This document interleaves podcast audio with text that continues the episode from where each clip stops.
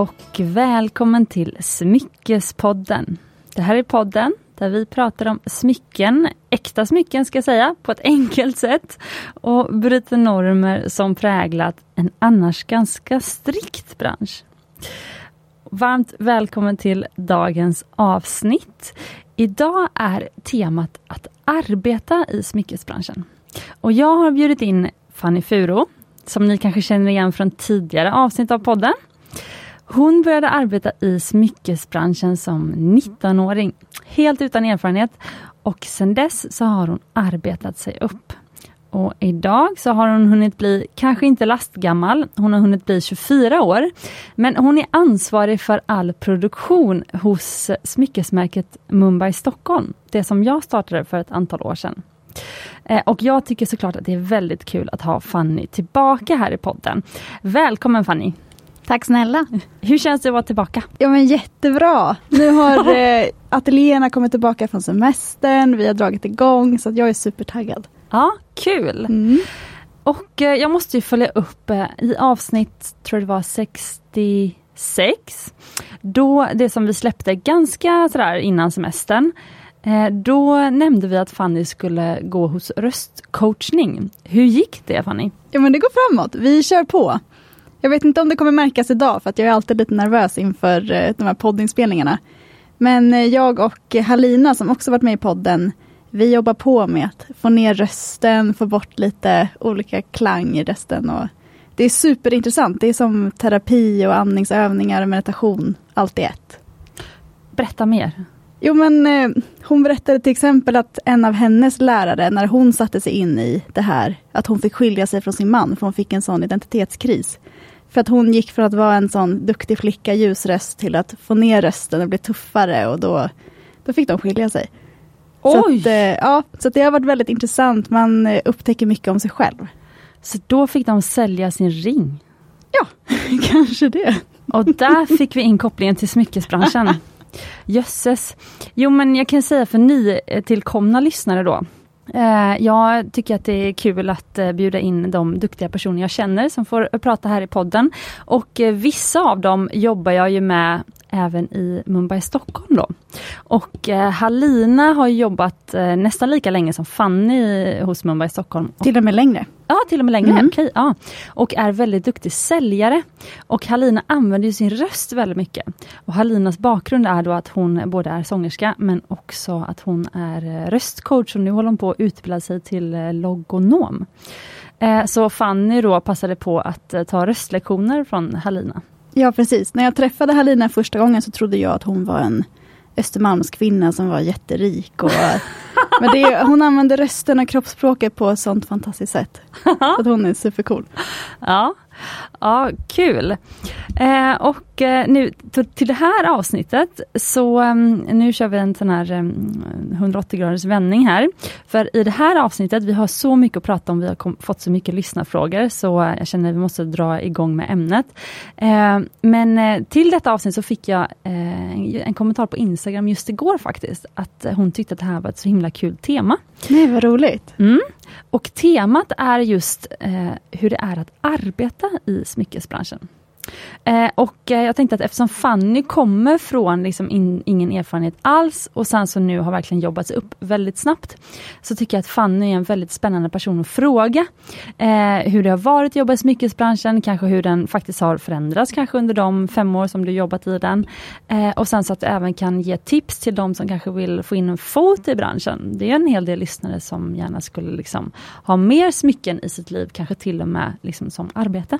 Och eh, Fanny, du har ju touchat på många områden eh, under tiden som du arbetat på Mumbai Stockholm. Du har mm. ju jobbat med kundservice, försäljning, du är med och tar fram nya smycken tillsammans med mig. Eh, du är faktiskt ansvarig för att fotografera de nya smyckena. Ja, precis. Mm, så att de säljer bra online. Eh, och sen så har du ju också en, ett litet sådär S i rockärmen. Du har ju varit med och tagit fram och sålt ett av Mumbais dyraste smycken. Det stämmer. Vilket var det? Det var en eh, trestensring med eh, en stor blå Safir i mitten och två diamanter på sidorna. Totalt drygt två karat var det. Mm. Och vad kostade den? Oj, 189 tror jag, tusen. Mm. Och det här är bra att eh, liksom, prata om lite grann, för jag tror att många känner ganska snabbt att oj, hur ska man liksom klara av att sälja dyra smycken? Alltså den här podden handlar mycket om äkta smycken.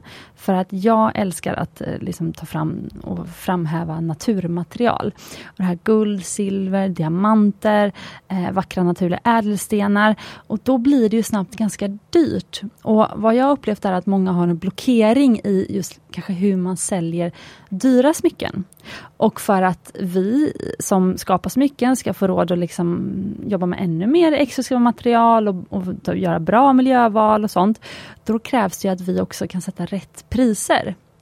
Eh, till exempel så producerar vi alla smycken i Sverige, vilket jag tror vi är ett av de få smyckesföretag som faktiskt gör. För att eh, man måste förklara för kunden varför då till exempel ett tennisarmband kanske är dubbelt så dyrt som ett annat tennisarmband som är producerat i ett helt annat land. Så lite sådana här saker. Eh, men vi ska prata om vad Fanny har lärt sig under de åren som hon arbetat i branschen. Vad hon vill ge för tips till den som vill börja arbeta i smyckesbranschen. Och så kommer hon dela förhoppningsvis sina viktigaste lärdomar. Och till skillnad från mig så var ju du en smyckestjej innan du började jobba i branschen. Ja, och framförallt då specifikt en Mumbai-tjej. Så att mitt smyckesintresse har ju också utvecklats jättemycket. Kan inte du bara innan vi avslutar det här introt lite kort berätta för lyssnaren hur ditt smyckesintresse startade? Ja, som väldigt många andra så surfade jag på Instagram. Mm. Fick upp en reklam gissar jag på. Eh, för just Mumbai Stockholm. Och eh, tyckte att det var så fina grejer så jag började kika lite. Jag har aldrig varit någon som utsmyckat mig särskilt mycket med smycken tidigare. Och eh, inte heller drömt om förlovning och giftermål som liten, utan det har alltid varit någonting som jag har varit osäker på om jag eh, i överhuvudtaget velat. Men eh, så fick jag upp den här Tiny Diamond Ring, som jag ju faktiskt har på mig idag på pekfingret. Och kände att den där skulle jag ha. Så att jag minns inte vad jag använde för ursäkt. Jag tror bara att jag anammade det här med att kunna köpa till sig själv. Mm. Eh, köpte den faktiskt på ett event i Vasastan. Mm. Så det var första gången vi träffades, men jag tror inte du minns det. Jag var bara en, en kund då i mängden. Jag minns så väl hur jag stod på hörnet, det var en hörn i den lokalen som jag tog betalt vid. Mm. Det kommer jag ihåg. Och så kommer jag ihåg att för Fanny var den tjejen som inte ville ha det här läderfodralet som vi då hade till smycken. Just för Fanny var vegan. Så hon, eh, vad fick du för smyckesask istället? Du, det minns inte jag. tror att jag fick en tygficka. Mm. Eller en, ja, en tygpåse. Mm. Eh, och jag minns också att det var, ni serverade alkohol och jag fick så här, åh nej gud, jag är ju inte 18 ännu. Oj! så Oj jag tog inte, jag var duktig, jag tog inte. kanske var slutet event, så det kanske var okej ändå. Ja. Ja. Eh, I alla fall att vi serverade alkohol, inte att du hade druckit då. Ja, nej precis, men det gjorde jag inte, ska ja. jag understryka. och sen måste jag fråga, vad har du för favoritsmycke just nu? Ja, men jag, just nu är jag ganska kär i guldiga smycken och det har inte jag varit innan. När jag började så var det väldigt mycket sparkle. Det skulle vara mycket diamanter och så det har jag investerat i framför allt. Men nu tycker jag mycket om att ha släta guldsmycken. Det är sånt jag är inne och surfar på. Mm. Kanske lite chunkier, lite större på pekfingret eller något. Mm, du kanske är något eh, trendigt på spåren där. Det har varit så poppis med så här tunt och skit och så nu eh, på senare tid. Så mm. det kanske, kanske är på väg tillbaka nu lite fylligare smycken. Ja men det kan stämma. Sen får det inte vara, alltså jag har ganska små händer så det får inte vara för stort. Men kanske någon sån här som är lite domed. Förstår du vad jag menar då? Mm. Att den är rundad och lite högre högst upp. Mm. Och sen smalnar den av ner mot eh, handflatan. Mm. Någon sån ring kanske. Mm. Det är lite mm. av en sån här klassiker som många vill göra sin take på. Mm, absolut. Mm. Så det, det ska jag kika på härnäst tror jag. Snyggt. Mm. Okej, men eh, är du redo att eh, svara på mina och eh, lyssnarnas frågor? Ja, spännande. Då kör vi igång.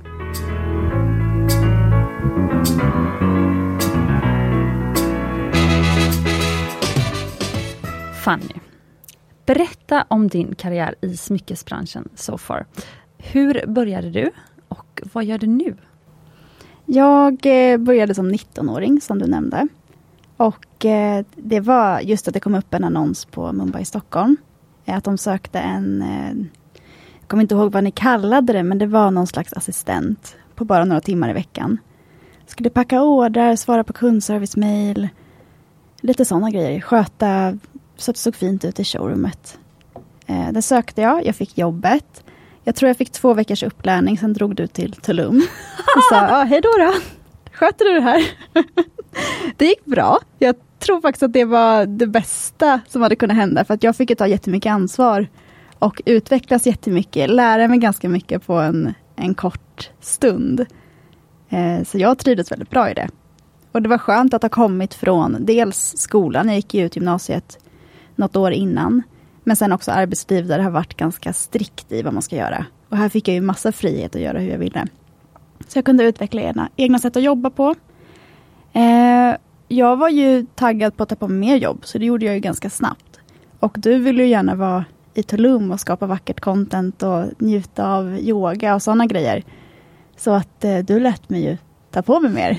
Så det var ju bara något knappt år innan jag jobbade heltid.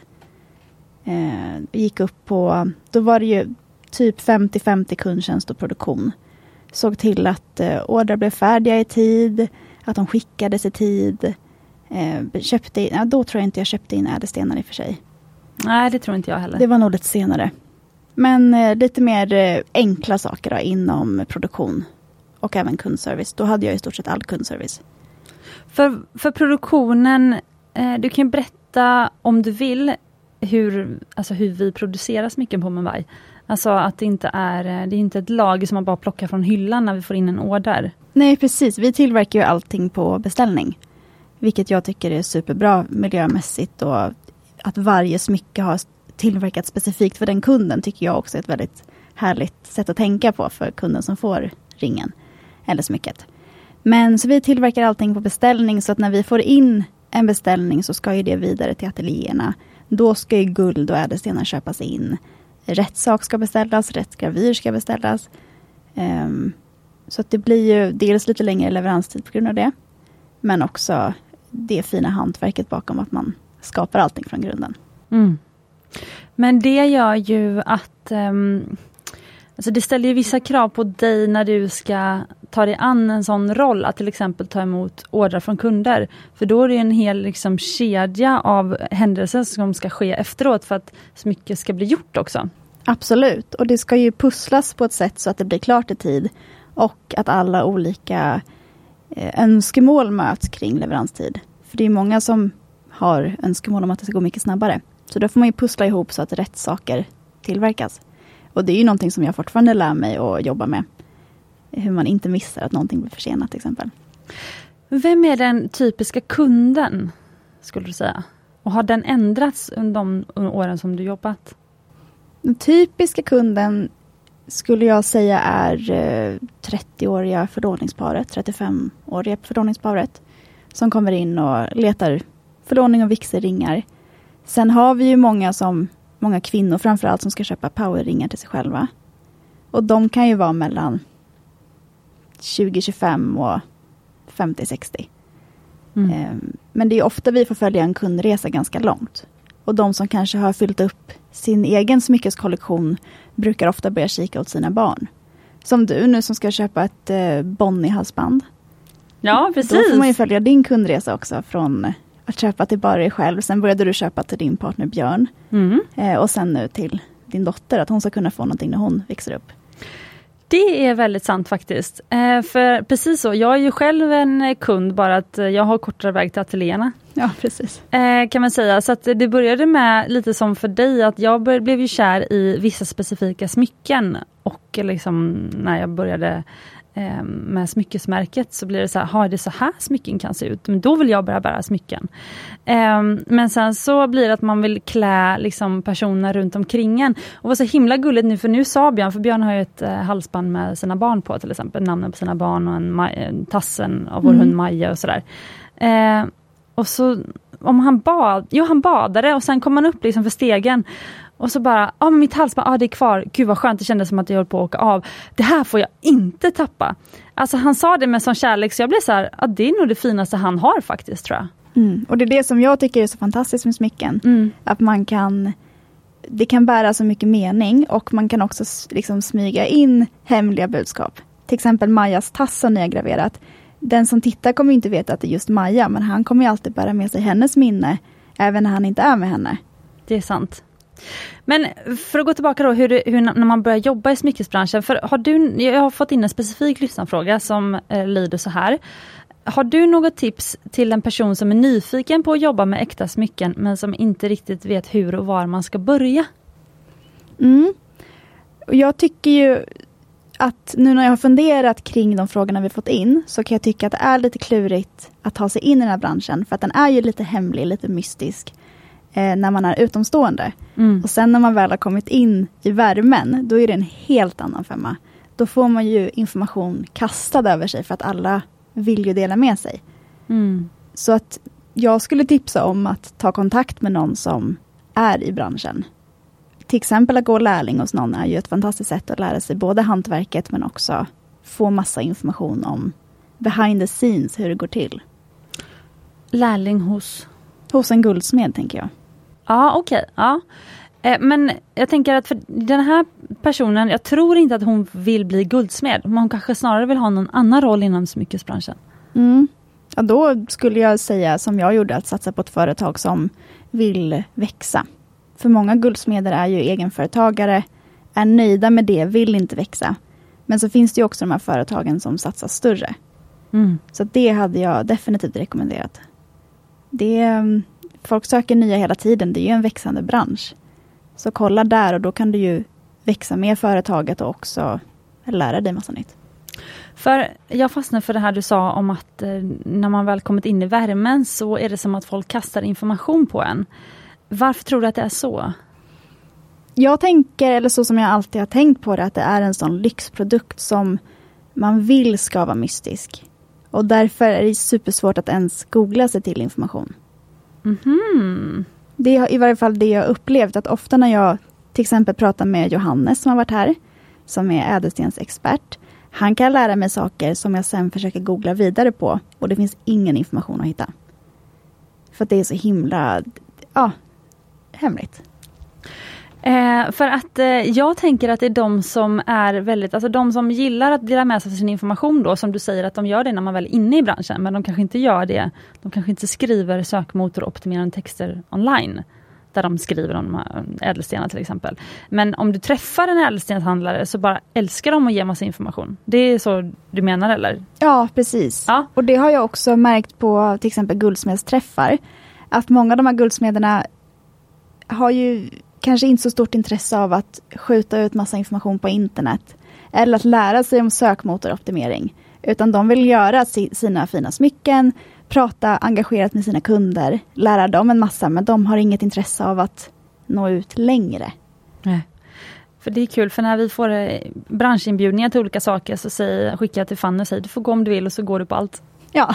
Mm, det är perfekt. Eh, för båda.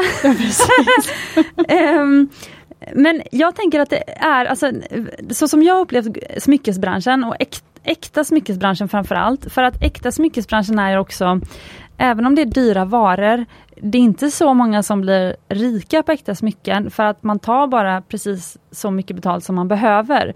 För man vågar inte heller ta mer betalt av kunden för att då säger kunden det blir för dyrt och så köper man inte alls. Så man tar liksom bara precis betalt så mycket som behövs och så liksom klarar man sig själv ungefär precis. Så det är inte jättemånga som har blivit jätterika på att jobba liksom, i svensk liksom, smyckes, äkta smyckesindustri skulle jag säga. Just så. Och det tycker jag är ett problem. Mm. Som jag vill ju, jag brinner ju för hela smyckesbranschen nu, så det här är ju någonting jag vill vara med och påverka och utveckla och följa. Mm. Men jag tycker att det ofta är så inom hantverk just. Ja, Till precis. exempel eh, liksom klädsömnad. Där är det ju jättesällan som de, när man försöker ta det priset som det faktiskt är värt om man ska räkna in alla timmar bakom att sy upp det här plagget. Eh, det är ingen som vill betala det. Nej. Så det blir väl så att man kan ju alltid jämföra mot de här produkterna som har tillverkats i en fabrik i till exempel Kina. som blir super, super billiga och så jämför man det med svenskt hantverk och så blir prisskillnaden så enorm att man inte är redo att lägga de pengarna. Men då har jag en fråga till dig. Är det att kunden inte vill betala eller är det att den som skapade produkten, smycken eller kläder eller ja, möbelhantverk eller vad som helst, eh, inte vågar ta rätt pris? Det är just det. Jag tror att det är jättemycket grundar sig i att man inte vågar ta rätt pris. Att man är rädd för kundens reaktion. Eh, sen tror jag absolut att det finns, det är ju supermånga kunder som väljer bort hantverket för att det är för dyrt. Men det är mycket också att man som guldsmed eller eh, sömmerska är rädd för att förlora alla sina kunder. Så vad är ditt tips? Du har ju verkligen lärt dig att, oj, nu tappade jag min sko på marken om det hördes. Eh, men du har ju verkligen lärt dig att liksom, berätta för kunden varför någonting kostar som det gör. För du har ju också, det har ju varit en av eh, eh, alltså, de grejerna som jag har jobbat med dig på i alla fall, eh, är ju att så här, förklara varför någonting kostar som det gör och kanske att man pratar pris det sista man gör, inte det första man gör. Och sådana saker har vi liksom jobbat på och testat oss fram tillsammans egentligen. Men kan du berätta någonting om vad du, liksom, hur din upplevelse där har varit av att liksom, ja, ta fram och skapa exklusiva smycken och faktiskt liksom få kunden att köpa dem, vilket är en bedrift? Jo men jag tycker att det har varit positivt och positiva reaktioner. Ofta, nu har ju vi en ganska speciell säljprocess där de flesta känner till vårt märke innan de kommer till oss. Där man aktivt får boka in sig. Så att många har ju redan koll på att det kostar.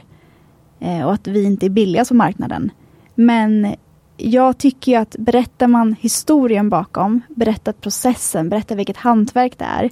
Då brukar folk, folk ställa sig positivt till det. När de inser att det är återvunnet guld, det är naturliga ädelstenar. Vi jobbar så långt vi kan med att spåra så mycket man kan. Eh, och också då hantverket. Att det är någonting man vill stötta, bygga vidare på. Jag tycker ju att det är jätteviktigt att stötta hantverket i Sverige. I alla olika branscher. Så varför skulle smycken och ädelstenar vara annorlunda? Bara för att det ligger i en annan prisklass. Nej, det är sant. Eh, för hur går det till? Eller om någon skulle säga till dig, ja ah, men jag vill göra en eh, Ja men du hade ju ett exempel på en, ett smycke nu som den här double loser-ringen. Ja, precis. Ja, hur gick det till när du fick den liksom, beställningen? Det var en kund som hörde av sig först på DM mm. och sen började vi mejla. Eh, och då handlade det om att försöka hitta och nå fram till vad hon ville ha vilka färger de ville ha. Det är en ring med en större kvadratisk smaragdslipad sten och en lite mindre rund sten. Och så är det en öppning emellan så att de stenarna sitter på varsin sida av fingret. Eh, fingrets ovansida.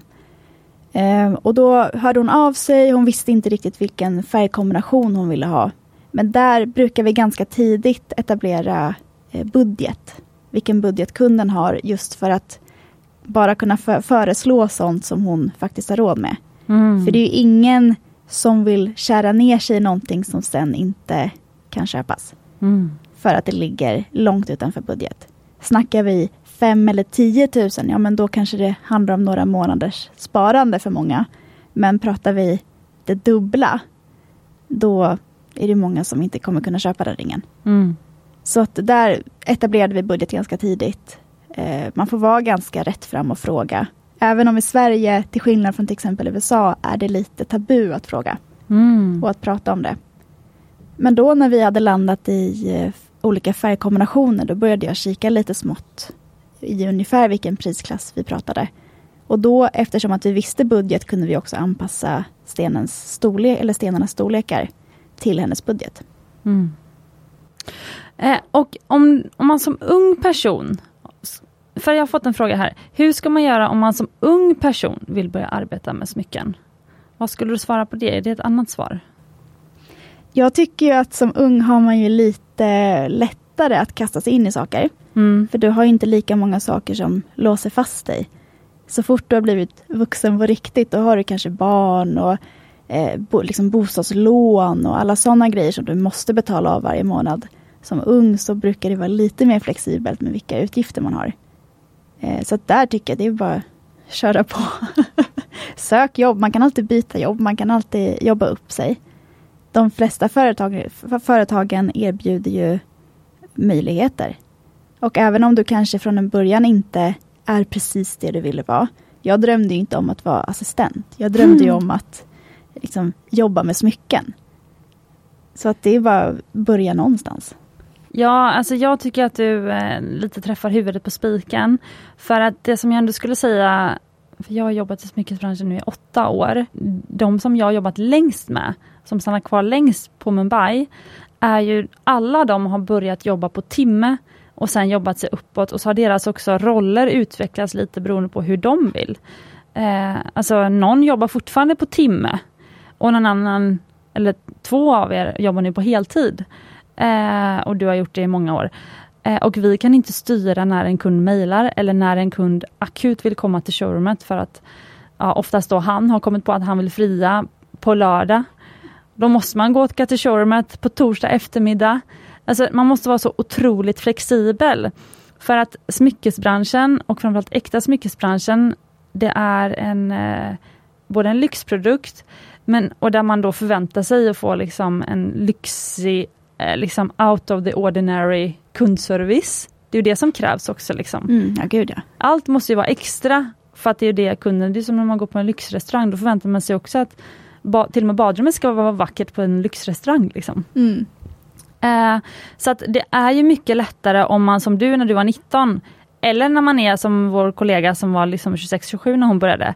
Eh, eller en annan kollega som var 33 i och för sig. Men, eh, men det som varit gemensamt hos alla er har ju varit att så här, jag tar de eh, liksom, eh, tider som behövs, även om det är liksom obekväma timmar. Eh, jag vill gärna ha mer jobb, se till om det finns något mer att göra man liksom rycker efter vad man vill för att man vill bara lära sig och man vill liksom eh, bara liksom få in en fot på något sätt. Mm. Och det är ju enklare att vara sån om man gör någonting man verkligen brinner för och vill jobba sig vidare inom. Jag kan tänka mig att hade jag börjat jobba, ja, jag vet inte vad jag ska dra för exempel, men på något ställe som, jag, som bara är ett jobb, då hade jag nog inte pushat lika mycket. Nej, för det är väl en annan grej. både, båda de här tjejerna som skrivit in om liksom hur man ska börja oavsett om man är ung eller gammal, höll jag på att säga. Eh, men att eh, jag, jag, tror att det behövs en... Om man är smyckesnörd eller verkligen vill jobba inom det här, då kommer det gå. Men om man bara sådär, ja, men det verkar kul men det är inte min passion, då tror jag inte det kommer gå. För att man kommer liksom inte vilja ta sig an dem liksom de arbetsuppgifter som krävs och som kanske inte är de roligaste i början eller vad som helst om man inte är så här, verkligen passionerad. Nej, precis. Så, så det, är det verkligen. Så det kanske är eh, en nyckel faktiskt. Att så här, är jag passionerad, ja men jag är faktiskt beredd att göra vad som helst nästan för det. Så länge mm. man får betalt. Ja, och det gäller ju alla branscher då. Precis. Så att jag tycker att, att brinna för smycken, då är man ju redan ett steg på vägen. Då är det väl bara att söka i stort sett vilken tjänst som helst. Hitta ett företag du brinner för bara. Och eh, om du dessutom eh, lär dig att sälja, då är du till värde för vem som helst. För du, jag kommer ihåg eh, under eh, pandemin, eh, då var det ju shaky, då försvann ju liksom vår eh, försäljning på liksom en vecka i princip. Eh, men du, alltså du var ju en riktig stjärna det året, det var 2020 framförallt som var tufft. Man var tvungen att ställa om liksom, till mycket mer onlineförsäljning. Och vi började med auktioner, auktionera ut smycken. Typ så att kunden skulle få betala det som de liksom ville betala ungefär. Mm. Men nu har ju auktioner blivit liksom en ny eh, en ny försäljningskanal för oss som är superbra. Men då var ju du verkligen, du gjorde ju allt för att liksom få upp försäljningen och göra dig oumbärlig. Och så enkelt är det ju. Liksom, det är den som liksom drar in pengar till bolaget som blir kvar när, det liksom, när allt annat skiter sig. Ja, precis. Så att om, om det är något tips jag ska ge, satsa på sådana tjänster som inte faller bort direkt. Produktionen, vi måste ju ha någon på produktionen för att kunna tillverka orderna. Det går ju inte att plocka bort i första taget. Jag visste ju då att jag är den sista att gå. Så det var väl kanske lite strategiskt i grunden. Du är kaptenen på skeppet? Ja. ja. Eh, men tycker du att eh, branscherna ändras på bara de fem år som du arbetat i den, men det har ändå varit lite turbulent? Jo, det har det ju absolut. Jag eh, tycker på kunderna att det är fler och fler som vill investera i sig själva. Mm. Och sett till branschen så tycker jag ändå att jag har anat en, en trend av att man vill ta betalt det som smyckena faktiskt är värda. Mm. Att man kanske är redo att höja sina priser lite och våga och testa det. Vilket jag tycker är super, super positivt. Det har jag gått och väntat på. Mm. För vi har ju ofta fått höra att, men gud, varför är ni så dyra? Men det är ju för att vi, någon måste ju börja med att sätta en, en standard. Mm. Och vad har du lärt dig under de här åren? Ja, oj, jag har lärt mig så mycket. Det har varit eh, fantastiskt på alla sätt och vis. Som jag sa, det har ju varit liksom en ganska stängd bransch, att när man väl kommer in och träffar de här människorna som verkligen är hängivna sitt hantverk, då ger de hur mycket information som helst. Så att jag har fått så himla mycket spännande ny kunskap. Jag visste ju inte till exempel att jag skulle brinna så mycket för ädelstenar som jag gör. Men också hantverket. Jag tycker att det är fantastiskt att, att man kan ta en, en guldklump och en rå ädelsten och sen skapa någonting så vackert ur det. Mm. Så att jag har ju lärt mig massor om hantverket utan att själv tillverka någonting. För jag har ju aldrig lärt mig någonting om guldsmide. Eh, rent praktiskt. Du har fått gå som lärling hos en av våra guldsmeder. Ja, men det var bara några enstaka gånger innan, innan den här jäkla pandemin. Ja. Ja, så att eh, mycket har varit bara att jag har träffat och pratat och de delar ju gärna med sig, alla guldsmeder, om sina tekniska kunskaper, trots att jag själv inte kan använda dem. Så där har jag lärt mig supermycket. Och med det som jag nämnde så, jag brinner ju för smycken och ädelstenar men också för branschen nu. Att jag vill vara med och sätta den i en positiv riktning. Mm. Och apropå det, märker du av ett intresse för en annan typ av produkter nu än vad som var populära tidigare? Mm. Jag tycker ju, sett till vår försäljning så köper ju folk örhängen och armband och lite mer sådana grejer till sig själva. När vi på Mumbai Stockholm började det var det ju ett extremt fokus på ringar. Och det är det ju fortfarande till stor del. Men eh, jag tycker att folk fortsätter utforska färgade stenar. Att man vågar köpa sånt. Och som jag sa, att man vågar köpa till sig själv. Finns det några andra krav som kunder ställer på kundservice än vad de gjorde för några år sedan? Eller ser du någon skillnad där? Nu under pandemin så kunde vi sälja mer online. Så då var det som att folk tvingades lita mer på företag. Att man kanske inte kunde ta sig till butiken. Mm. Så att vi har ju sett en positiv utveckling i onlineförsäljningen. Och det kan ju vara då en, en positiv eh, effekt av pandemin. Om man ska se det så. Mm. Att de litar mer, vågar lägga en beställning på höga summor trots att man kanske inte har mejlat alls eller bara har mejlat lite grann. Mm. Men jag ser ju fort, fortsatt att folk har höga krav på kundservice inom lyx, lyxprodukter. Även innan man ens har lagt sin order. Att redan från första frågan så ska det vara mycket information, det ska vara välutbildad personal eh, som ger bra råd. Mm, tycker du att det är någon fråga som kunder ofta ställer som du tycker är irrelevant eller som så här, kunder har fått om bakfoten? Där du tycker att men det här är inte ens det viktigaste. Jag tycker ju att den här, trots att branschen är ganska stängd, så är den ju synad på ett väldigt märkligt sätt. Mm. Eller vad jag kan tycka är lite märkligt. Det här Mm. med blodsdiamanter och konfliktdiamanter. Mm. Att den biten synas ju på ett helt annat sätt än produktionen inom andra produkter. Sant. Mm. Det har vi, eller ni säkert pratat om tidigare i podden. Men just det här att det är en väldigt, väldigt vanlig fråga jag får om det är blodsdiamanter. Det var en så himla specifik period för ganska länge sedan nu. Tidigt 90-tal. Ja, och ändå så är folk... Det är bra att folk har en medvetenhet. Men eh, jag tycker att den medvetenheten kanske borde sträcka sig lite längre än bara ädelstenar. Se på datorerna eller telefonerna som alla går runt med, eller bilarna. Vad de har för, för effekt på miljön, på arbetsförhållanden, vart de tillverkas. För, för det jag kan dela då med smyckesbransch, eh, förlåt, med blodsdiamanter som för lyssnare som inte, det var något gammalt avsnitt jag pratade om det.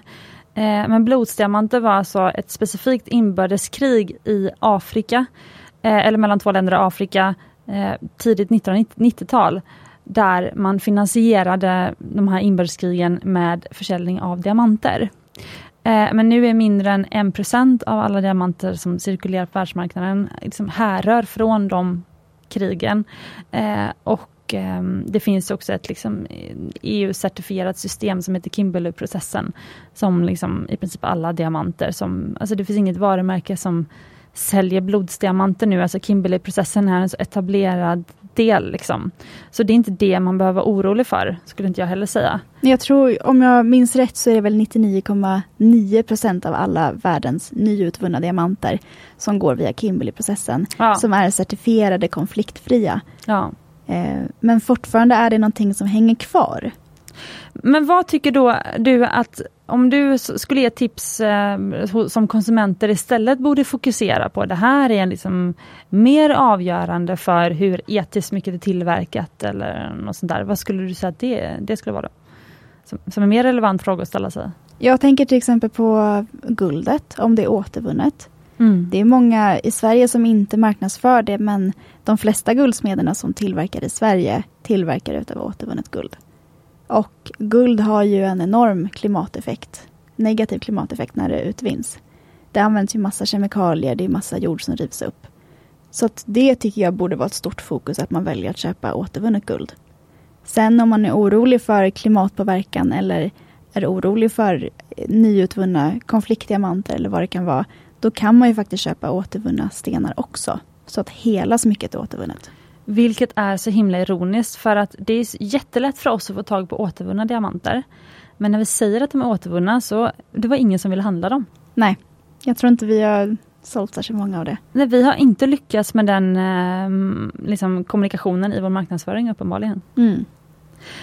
Vad är det som du tycker gör det så kul att arbeta med just produktion? Ja, det var en bra fråga. Det kanske har någonting att göra med att det blir väldigt jättegivande eh, att se någonting vara ingenting eller vara lösa delar och sen sättas ihop och bli någonting. Eh, jag tror inte att det ligger så mycket i att jag gillar att styra och ställa. Det är i och för sig kul men jag tror inte att det är grunden. Utan mer, jag älskar smycken. Det är alltid lika roligt att få hem det färdiga smycket. Man har försökt visualisera hur den där unika ädelstenen ska sitta i smycket och hur det kommer se ut innan. Men när man väl får det på fingret eller får det runt halsen, då är det en helt annan grej. Så det är lite, lite grann som att man är magiker varje gång. Mm. Och eftersom att jag inte är med i själva tillverkningsprocessen, jag står inte alltid och kikar över guldsmedens axel. Då blir det ju lite som att få hem en present varje gång. Precis. För jag kan säga att det som Fanny gör, om man säger när du ansvarar för produktion, du är ju som en projektledare. Du ser till att det finns rätt mängd guld, rätt eh, diamant eller ädelsten i rätt kvalitet inköpt, det är du som har köpt in dem. Eh, du har kanske valt ut färgstenen och kvalitetskontrollerat den om du ska, liksom, om kunden vill ha en specifik färgsten. Eh, du har eh, eh, varit i kontakt med Guldsmedsstudion och Steninfattningsstudion som ofta är två olika studios. Som, där du anger liksom receptet så att säga, vilket smycke ska göras, när ska det vara klart och så vidare. Och så blir det ju som att du liksom eh, ja, men du är ju spindeln i nätet som ser till att liksom, och sen att du också faktiskt är ansvarig för att smycket blir skickat till kund i tid också. Ja, precis. Och att det ska gå från ena ateljén i tid till andra. Så det är en lång kedja där allting måste funka. Äh, ibland kan ju gravyren bli fel, det görs ju redan tidigt. Då blir det en fördröjning sen till steninfattaren. Mm. Så det är ju sådana grejer man hela tiden jobbar med. Så det är superkul, det är mycket att hålla i huvudet. Men också att få vara med och utveckla system som inte har funnits innan. Det inom företaget. Är, det är en bra egenskap, att tycka att det är kul att utveckla system. För att det är också det det handlar om, om man tänker att det här är ett avsnitt som handlar om just att arbeta i smyckesbranschen. Alltså en stor del av det som man som företag vill göra, är ju att skapa ett bra system som, är liksom, eh, så, som kräver så lite arbete för en eh, liksom, människa som möjligt. Eh, men att eh, en order går så smidigt som möjligt när vi får den. Alltså systemet att vad händer från ordern kom in till att den levereras till kund. Man vill ha så lite svinn som möjligt i material, man vill att det ska gå så snabbt som möjligt så kunden slipper vänta. Eh, man vill eh, att liksom inköpsprocessen ska vara både etisk och eh, liksom kostnadseffektiv. Det är, det är liksom de systemen som liksom är själva företaget faktiskt. Ja, exakt. Sen har ju inte jag så mycket teknisk, eller jag har ju ingen alls teknisk bakgrund i hur man utvecklar system. Men det kanske är nästa steg då, att, att lära sig sånt. Eh, nej, jag tycker att eh, det är perfekt att utveckla, för då anpassar man sig ju efter liksom, den organisation som man är i just då. Mm. Men jag har fått in en lyssnarfråga. Blir du inte frestad att behålla alla smycken själv? jo, varenda en. Ja. Jag skriver ju till dig ganska ofta Cecilia och säger ah, men jag funderar på en sån här nu, jag tror jag ska köpa en sån här. Men listan är ju så lång så man kan inte köpa allt. Men jo, absolut. Eh, sen tror jag att jag är ganska, mitt huvud, jag är lite skapt så att när det inte är till mig, då vet jag det, jag ser den distinktionen. Så då kan jag ganska lätt liksom separera mig från smycket. Men jo, man vill ju alltid göra det likadant. Eller jag vill ju alltid göra det likadant. Mm. Och sen har jag fått in en annan fråga. Hur går det till när du hjälper kunder skräddarsy ringar? Mm. Och det går ju till på lite olika sätt. Jag tror faktiskt att vi har pratat lite grann om det här i podden tidigare. Mm. Att eh, allra ofta så börjar det med att en kund mejlar eller kommer in till oss. Eh, och då börjar vi direkt luska lite i vad, vad det är de vill ha. Väldigt ofta upplever jag så vet de inte riktigt vad de vill ha utan snarare vad de inte vill ha. Så då börjar vi direkt sålla bort sånt som de känner att magkänslan säger nej till. Eh, och försöker liksom komma in på och luska ut vad det är de faktiskt vill ha. Och sen börjar vi kika på ädelstenar, vilka färger vill de ha? Är det vanliga diamanter, då kan man ju ganska tidigt eh, börja kadda upp ringen, rita upp ringen. För att diamanter kommer ju i, i stort sett alla mått, alla slipningar. För att det är en sån populär ädelsten. Med många färgade stenar, då får ju vi anpassa designen till den sten vi hittar. De måtten som kommer och sådana grejer.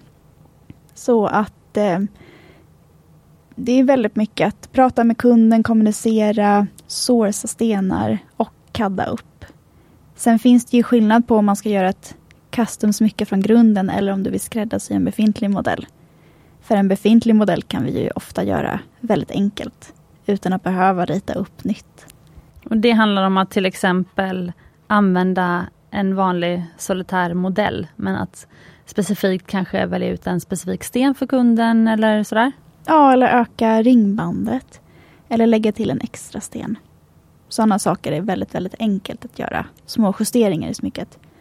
Men eh, CAD är ju verkligen ett fantastiskt program. Inte bara för vår bransch utan för många branscher. Men det är ju väldigt, väldigt svårt även för mig att visualisera ett smycke innan det är klart. Och då att få en bild på det. Det är ju sällan, tycker jag, som kunder är missnöjda efter att ha fått ett smycke som de innan har sett i en CAD. För att man får en så tydlig bild.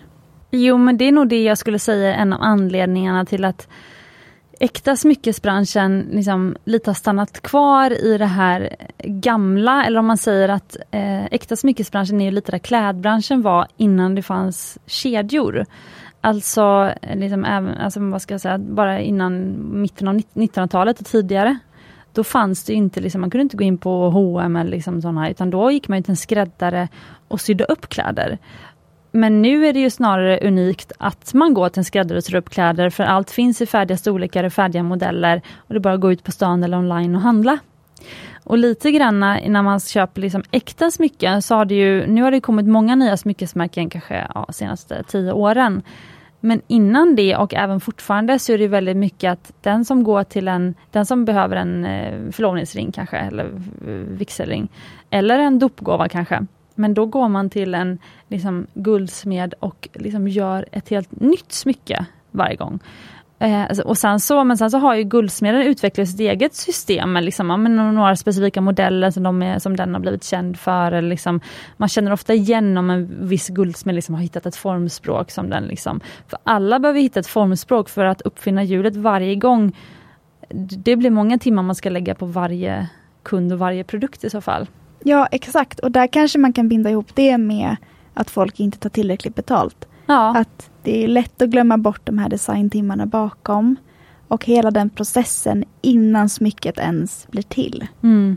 Och då är det väldigt bra att vi har CAD där man kan göra om smycket innan vi har påbörjat produktionen.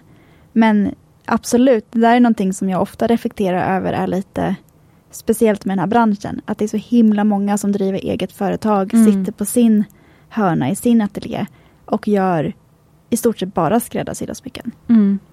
Men även för oss då när kunder kommer till oss och vill handla, vi som då arbetar i branschen. Vi måste ju liksom tillfredsställa det önskemålet som finns hos många kunder om att göra någon liten justering.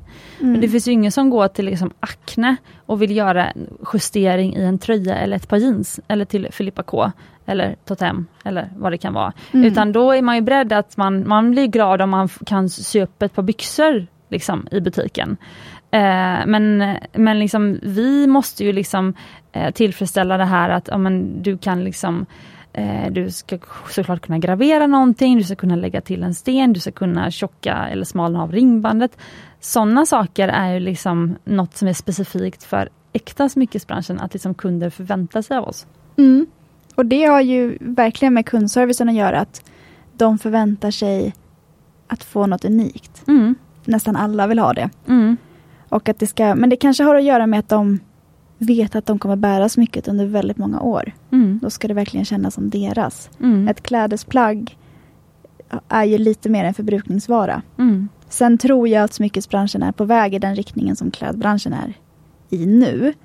Att man mer köper ut av ett märke. Man investerar sina pengar och då blir det ju unikt för att du har köpt just det märket. Så det är där det unika ligger. Men jag tror också att klädbranschen är på väg mer mot där vi i smyckesbranschen är. Vilket är att man kanske ser upp eh, mindre, man kanske har färre showpieces. Eh, man kanske, så man liksom har mindre på lager. Eh, man kanske specificerar jag skulle kunna se framför mig att man i framtiden specificerar liksom, vilken längd vill jag ha på mina byxor redan när man liksom beställer dem. Kunden kanske är att vänta mer. Det kanske inte finns en hel butik med alla storlekar utan det finns liksom show pieces, liksom en small, medium, large. Och kanske också det här som jag tycker är fantastiskt med vår bransch, att det inte går så mycket trender. Alltså vi säljer ju, en av våra bästsäljare har varit bästsäljare i liksom fyra, fem år. Och det känns liksom väldigt modernt för att det blir inte liksom utkänt eller det, man tittar inte ner på sina händer och, och nej, nu måste jag byta ut alla mina smycken för det här är ju förra säsongens ringar. Liksom. Mm. Jag hoppas att det är på väg i den riktningen. Och nu när jag tänker på mig själv så är det ju precis så jag själv har börjat tänka. Ja, Att jag vill att det ska vara mer välarbetade enstaka klädesplagg. Så att, ja, jag tror det är någonting på spåren där. men det här med att ehm, arbeta sig upp i smyckesbranschen. Om du skulle nämna kanske tre olika roller, förutom det givna då som är hantverket att vara guldsmed eller att vara steninfattare. Då kan man såklart jobba i smyckesbranschen. Men om du skulle nämna tre roller som du tycker att, som du tror att nästan alla äkta smyckesföretag behöver för att liksom tillfredsställa behov nu och i framtiden. Eh, och som du skulle tipsa att liksom en lyssnare som vill in i branschen liksom blir eh, utvecklar liksom, eh, erfarenhet, kunskap, skills inom de här områdena. Vilka tre roller skulle det vara? Först och främst eh, givet med kundservice. Mm. Där lär du ju dig det du sen ger service om. Så där finns det ju hur mycket kunskap att få. För du måste ju kunna din produkt. Du måste ju kunna allting om guld och ädelstenar. Så där får du ju jättemycket kunskap som bonus eftersom att du sen ska meddela kunderna om det här. Ja, du menar att du, man svarar på frågor för kunden och då behöver man lära sig svaren själv? Ja, precis. Mm. Och sen då säljare. Mm. Som säljare, det är samma sak där. Du måste ju vara bäst på den produkten du säljer. För att så fort du börjar få frågor som du inte kan svara på, då tappar du lite grann trovärdigheten. Mm. Sen finns det ju snygga sätt att rädda upp det, men är det många hål i din kunskap så kommer ju det absolut påverka hur kunden ser på dig. Mm. Och eh, inom produktion finns det ju alltid mycket. Många tjänster att fylla upp. Det kan ju vara orderpackning eller det kan vara beställningar. Sen tycker jag i den här branschen är det ju väldigt ofta som små egenföretagare sitter, guldsmeder eller steninfattare och sen tar uppdrag av andra. Och där kan det vara lite svårare att få jobb inom produktionen då eftersom att du måste vända dig direkt till dem.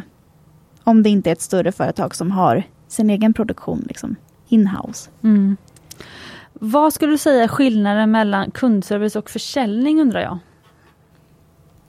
Men det finns ändå en skillnad i eh, hur du ska bete dig, hur du ska sälja in produkten.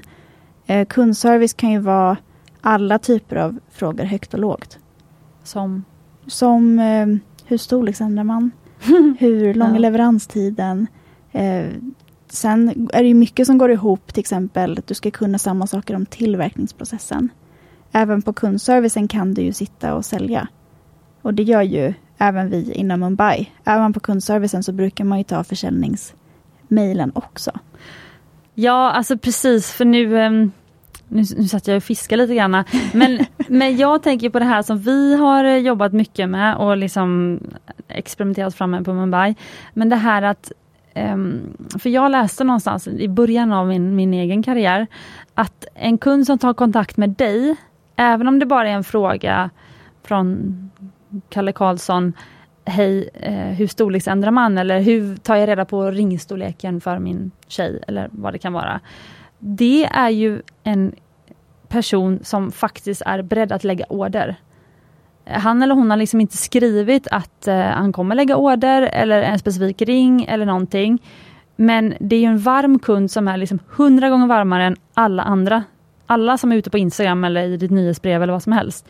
Så om du fångar in, om du skapar en konversation istället för att svara Jo men du tar reda på ringstorleken så här. Och sen punkt.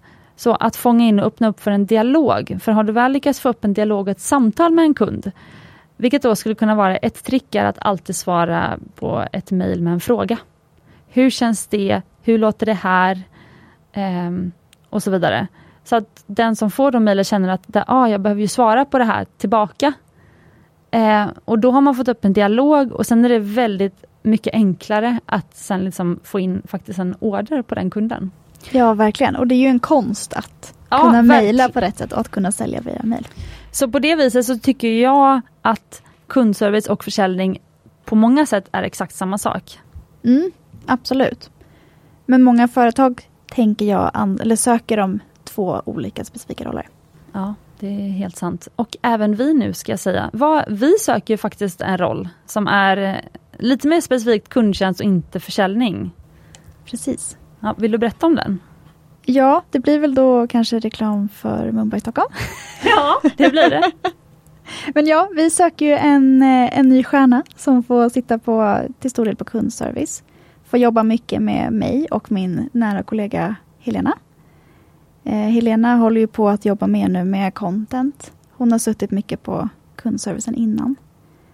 Eh, det som är, tycker jag, fantastiskt med Mumbai är att det finns alltid nya möjligheter titta bara på mig som jobbade mig upp från tio timmar i veckan till hur många timmar jag vill ha. Det finns alltid fler timmar. Eh, och alltid nya roliga saker att fylla upp. Vi har ju börjat med aktioner till exempel. Det blev ju något helt nytt att utforska. Eller eh, att kunna välja mellan om jag ville köra på med produktionen eller kundservicen. Precis. Men det finns ju en anledning till att eh, vi söker en roll. Mm. Och det här är en rolig grej som även ni Smyckespodden-lyssnare ska få, liksom få följa med på. Vad är det Fanny? Ja, jag tror faktiskt att vi pratade om det här i mitt allra första avsnitt i podden. Och det var ju, det måste ju vara precis i början när podden släpptes. Mm. Men eh, jag ska ju bli gemolog. Yay! Och vi lägger in en applåd här Adam. och vi har ju skjutit på det, eller jag har ju skjutit på det sen innan pandemin, just för att det kom en pandemi emellan och jag hade också lite svårt att gå ner i tid. Jag tyckte det, alltså det är ju så himla roligt att köra på. Men nu känner jag att, att bli gemolog är nästa steg för mig. För att jag är så intresserad av ädelstenar. Eh, jag kan tillägga då, en gemolog är ju en ädelstensexpert. Mm. Jag brukar säga att det är lite som geolog, men specifikt ädelstenar. Och yrket gemolog har ju funnits i ungefär 100 år och jag tror man började med det jag tror det var 1925, men ta mig inte på exakt, men det var i alla fall runt 1920-talet. För det var när man eh, behövde personer som kunde eh, urskilja äkta rubiner från fejkrubiner som hade börjat komma. Och då behövde man utbilda personer i att se på en ädelsten och se vad är det för sten, hur är den uppbyggd, eh, är den äkta eller oäkta och så vidare. Och sen så har då begreppet eh, liksom gemolog, ädelstensexpert liksom blivit ganska... Det är ju den också som om man, eh, om man jobbar på en värderingsfirma eller de som jobbar med att sälja mycket gamla smycken på auktion. Då går ju de smyckena via gemologer för att man ska kunna liksom tyda exakt värdet på den här stenen. Ja, precis. Och eh, det är viktigt att ändå berätta för kunden när man säljer ett smycke att även de diamanter som inte har till exempel ett diamantcertifikat, de har ju passerat via en utbildad gemolog. Mm. Så, och det skillnaden är ju bara att du inte har den lilla papperslappen som lite grann intygar att det är den kvaliteten som man säger. Det är väl lite grann jag kan tänka mig som eh, att eh, viner eller mat kan vara ekologiskt odlat fast inte har fått den ekologiska stämpeln för att det är dyrt att få den stämpeln eller ja. göra de kontrollerna. Det är precis det, där i det ligger, att det blir ju ett extra arbete när man ska in, liksom fixa ett intyg också. Och det blir en extra kostnad. Och jag tycker att det här är väldigt kul för att när Fanny nu äntligen bestämde sig för att hon ska sätta igång med den här gemologutbildningen i höst och gå ner lite tid på Mumbai. Och då kände jag, gud vad kul, det här är något som jag vill följa i Smyckespodden. Så när Fanny drar igång i november Ja, vi siktar på det. Mm, vi siktar på november. Eh, då kommer vi i Smyckespodden med jämna mellanrum få följa hur det går i hennes utbildning, vad hon lär sig, vad hon stöter på för utmaningar och så vidare. Och då tänkte jag som tack för det här Eh, så tänkte jag att eh, Fanny faktiskt i podden då, vi har inga sponsorer eller så i podden, eh, men eh, Mumbai Stockholm där eh, jag jobbar trots allt och Fanny också. Det är ju Mumbai Stockholm som eh, betalar inspelningskostnaden för den här podden. Och eh, som tack för att Fanny är med och skapar innehåll så tänkte jag att jag kan eh, hjälpa till att annonsera om den här tjänsten som vi söker. För, för det krävs ju att Fanny, om Fanny ska kunna gå ner i tid, så behöver ju Fanny också utöka sitt team med någon som faktiskt gör några av de uppgifter som Fanny har gjort nu i många år. Fanny, vill du berätta lite mer specifikt vad du söker och och eh, hur man kan ansöka? Ja men absolut. Jag söker då en eh, kundtjänstmedarbetare.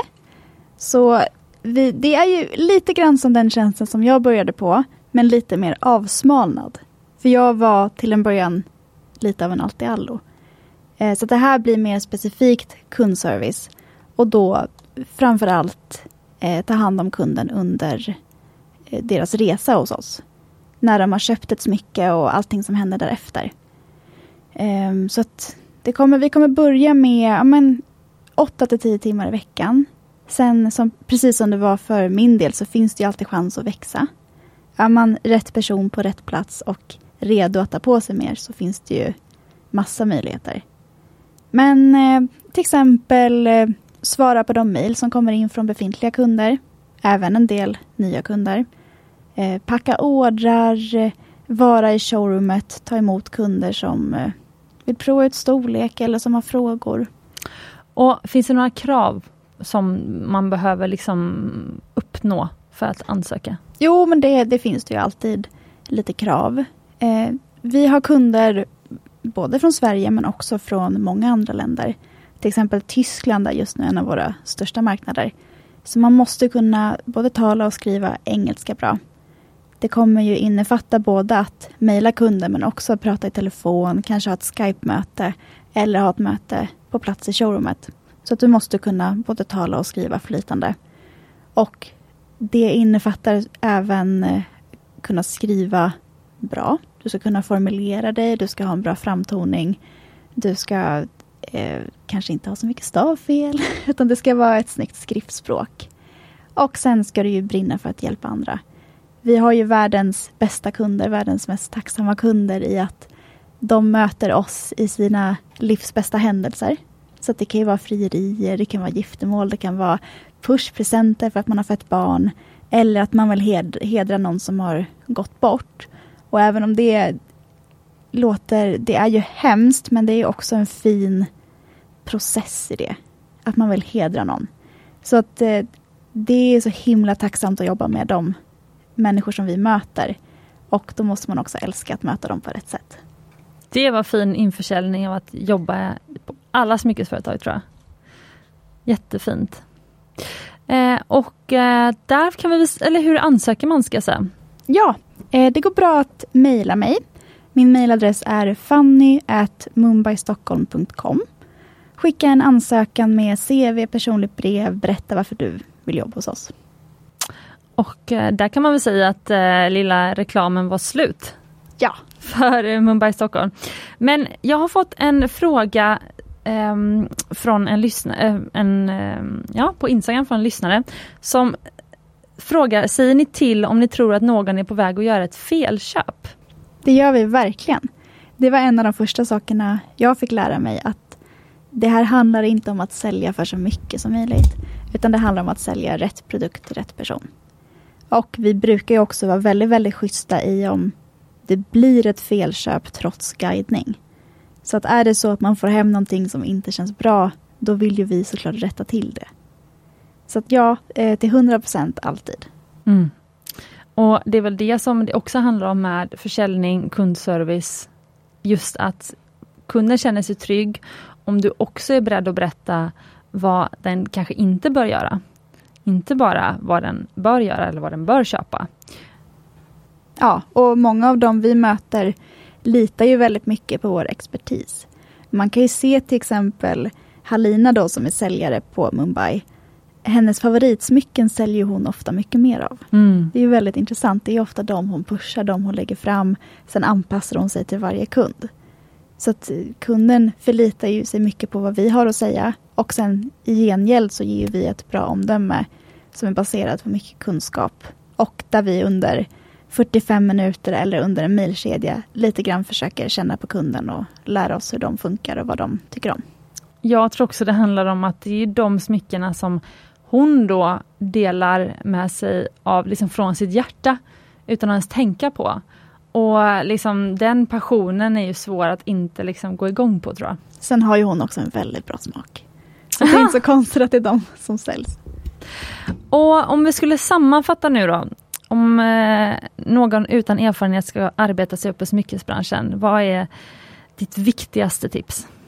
Jag skulle säga att eh, försök hitta en tjänst som du brinner för. Var redo för att om du brinner för branschen att arbeta dig uppåt. Det är inte alltid man kan gå in på toppnivå direkt. Och eh, försök suga åt dig så mycket kunskap du kan hitta och träffa så många människor du kan för att det finns så himla många fantastiska människor inom den här branschen. Mm, bra tips. Och eh, mitt viktigaste eh, tips, jag kan inte eh, stå emot att eh, inte dela, eh, men det är utifrån då att jag anställer ju folk som ska anställa i, eller som ska jobba i smyckesbranschen också. Det jag vill anställa är ju de som har en glöd och vill bli bäst på det de gör. Alltså Fanny vill bli bäst i Sverige på liksom, produktion av äkta smycken. Och då är det ju Fanny jag vill ha i mitt företag. Eh, och eh, Halina till exempel, alltså hon är ju en av Sveriges bästa säljare skulle jag säga. Klart jag vill ha henne i mitt företag. Alltså förutom att jag vill ha personer då som delar samma värdering, ungefär som när man väljer partner. Så de, en värdering som jag sätter väldigt högt i mitt bolag är att alla ska vara snälla mot varandra. Så jag upplever att alla vi i, på Mumbai Stockholm är väldigt, väldigt snälla mot varandra och det liksom genomsyrar liksom hela vägen in till kunderna. Men vi är också allihopa väldigt, väldigt drivna. Mm.